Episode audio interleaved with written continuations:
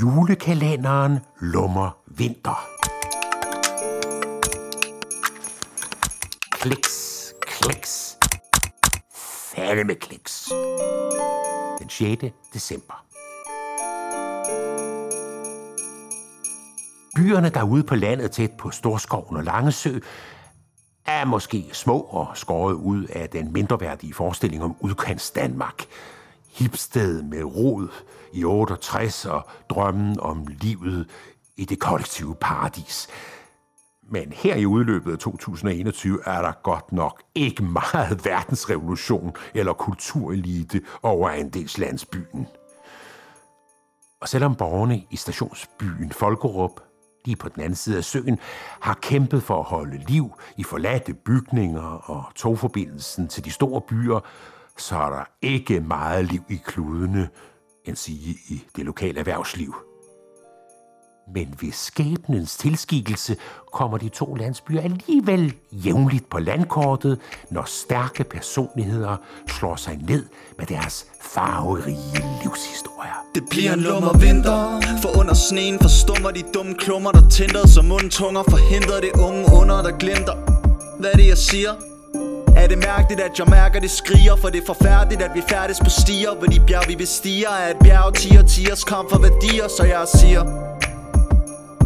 Jeg siger. Det bliver en lummer vinter. For under sneen forstummer de dumme klummer Der tænder som mundtunger Forhindrer det unge under der glimter hvad er det jeg siger? Men er det mærkeligt at jeg mærker det skriger? For det er forfærdeligt at vi færdes på stier. Hvor de bjerg vi bestiger er et bjerg Tier tiers kamp for værdier Så jeg siger. Det bliver en lummer vinter. Det bliver en lummer vinter. Ned i knæene, bare en smule. Og så stræk ud igen. Træk en smule kalorius holde retningen og overvise kummen. Og så bare vente et sekund eller to for at kunne gøre trang til virkelighed. Så kom den gule stråle og den nødvendige afslappende fornemmelse fra underlivet.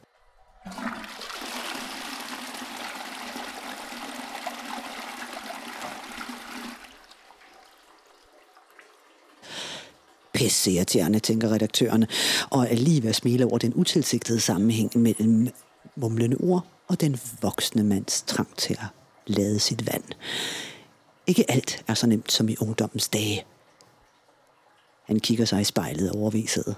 Det glatte ansigt. Små intelligente rynker, der har transformeret Alfons Aubert til en moden mand. det ser sgu okay ud, det fis, tænker han.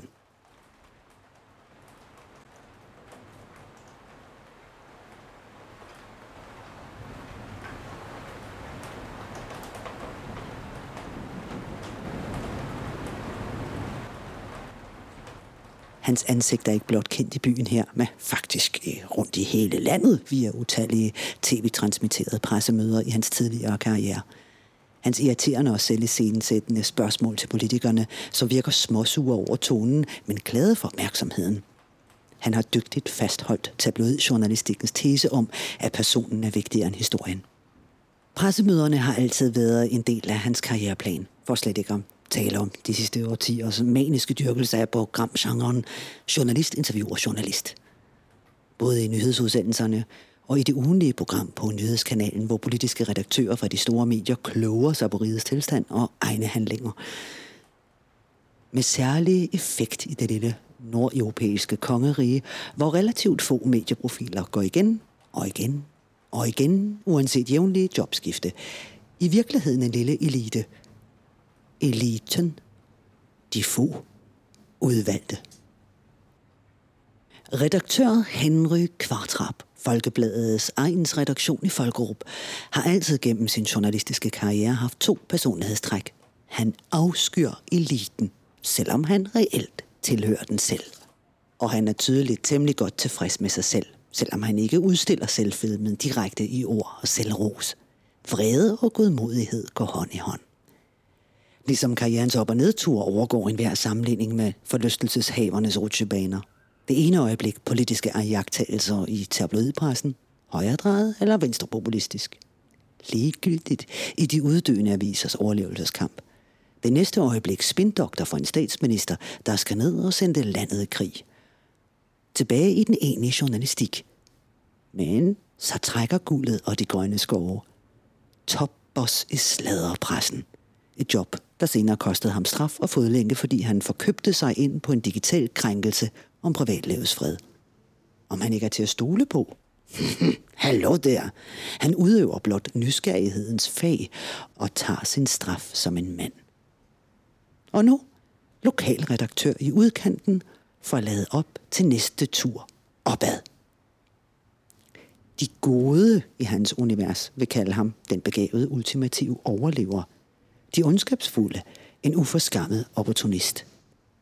Det sidste kan han givetvis leve med, fordi alle må leve med sin generations kejnsmærke. 68'erne med deres tjal rødvin og det blinde øje over for kommunismen. Redaktør Kvartraps generation har sit eget stempel i opgøret med den røde dogmatik. Frisat. Så tydeligt som eksportmærket på en bacongris. Frisat for religion, politisk ståsted, for ansvar og værdier.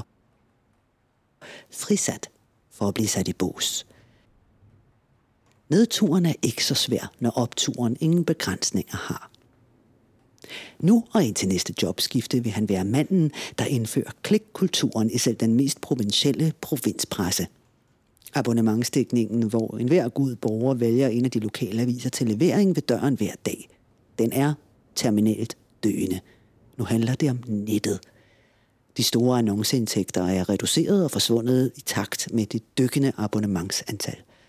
I stedet handler det om at få læserne, eller brugerne, som alle er ved at lære sig at sige, lukket ind på nettet og kunne tjene penge på nysgerrigheden. Kliks, kliks, fandme kliks. Henrys frie citat fra en for længst glemt revytekst. Redaktørjobbet på Folkebladet er ikke stort, men det er alt andet end lidt. At det vidste Kvartrap, da han sagde ja til jobbet. For den nuværende læsergruppe er uddøende, og de yngre gider ikke læse lortet. Der skal kliks til. Og realiteterne bag overskrifterne er dybest set ligegyldige, når brugerne tager på et oplevelsestrip. Men omvendt må han træde forsigtigt, fordi Folkebladet traditionelt er forlovet med erhvervslivet. Redaktøren tænder på paradokset. Konflikten mellem skandalens kommercielle nødvendighed og respekten for lokalområdets spidser.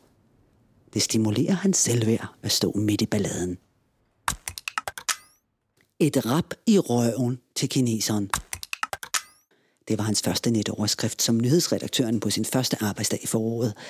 Han skrev en småkedelig erhvervshistorie om den kinesiske investor, der naturlig nok trak pengene væk fra andefarmen Rostock, fordi anderne var sluppet fri for økosocialisterne ved juletid sidste år. I virkeligheden, fordi Shanghai-milliardæren Chu Bandit havde fået agterpartiet på komedie i SM-afdelingen i den lokale swingerklub. Midt i sin økonomiske overlevelseskamp turde direktør Benson ikke stoppe historien, fordi han kendte til Kvartraps kendskab til de intime detaljer. Og chefredaktøren på Folkebladet, der var klar til at fyre Kvartrap samme dag, som han var ansat, kom på andre og bedre tanker, da han så historiens tusindvis af kliks på nettet. Lokalredaktør Kvartrap smilede allerede af den ballade, som Biver Bensen ville få på hjemmefronten, når direktørens frue læste overskriften på nettet efter den nye højskoleforstanders ankomst i fredags.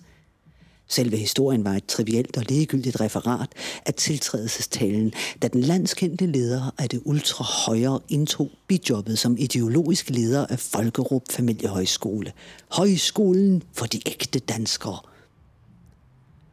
ordret og kedeligt, og i fuld overensstemmelse med de faktiske forhold. Men billedet af den veltrimmede erhvervsmand og tidsåndens symbiose af den nationalkonservatisme og sex, arm i arm op ad den dannebrugsfarvede rød-hvide løber udstrålede kærlighed, iscenesat eller ej, som ved den forbindelige Oscarfest i Hollywood. Kliks, kliks, fandme kliks. Det slår bare ikke fejl den nye romance. Petrine Vermut og Cannabisbaronen. Det bliver en lummer vinter. Det bliver en lummer vinter. Lyt med i morgen til næste afsnit af julekalenderen Lummer Vinter.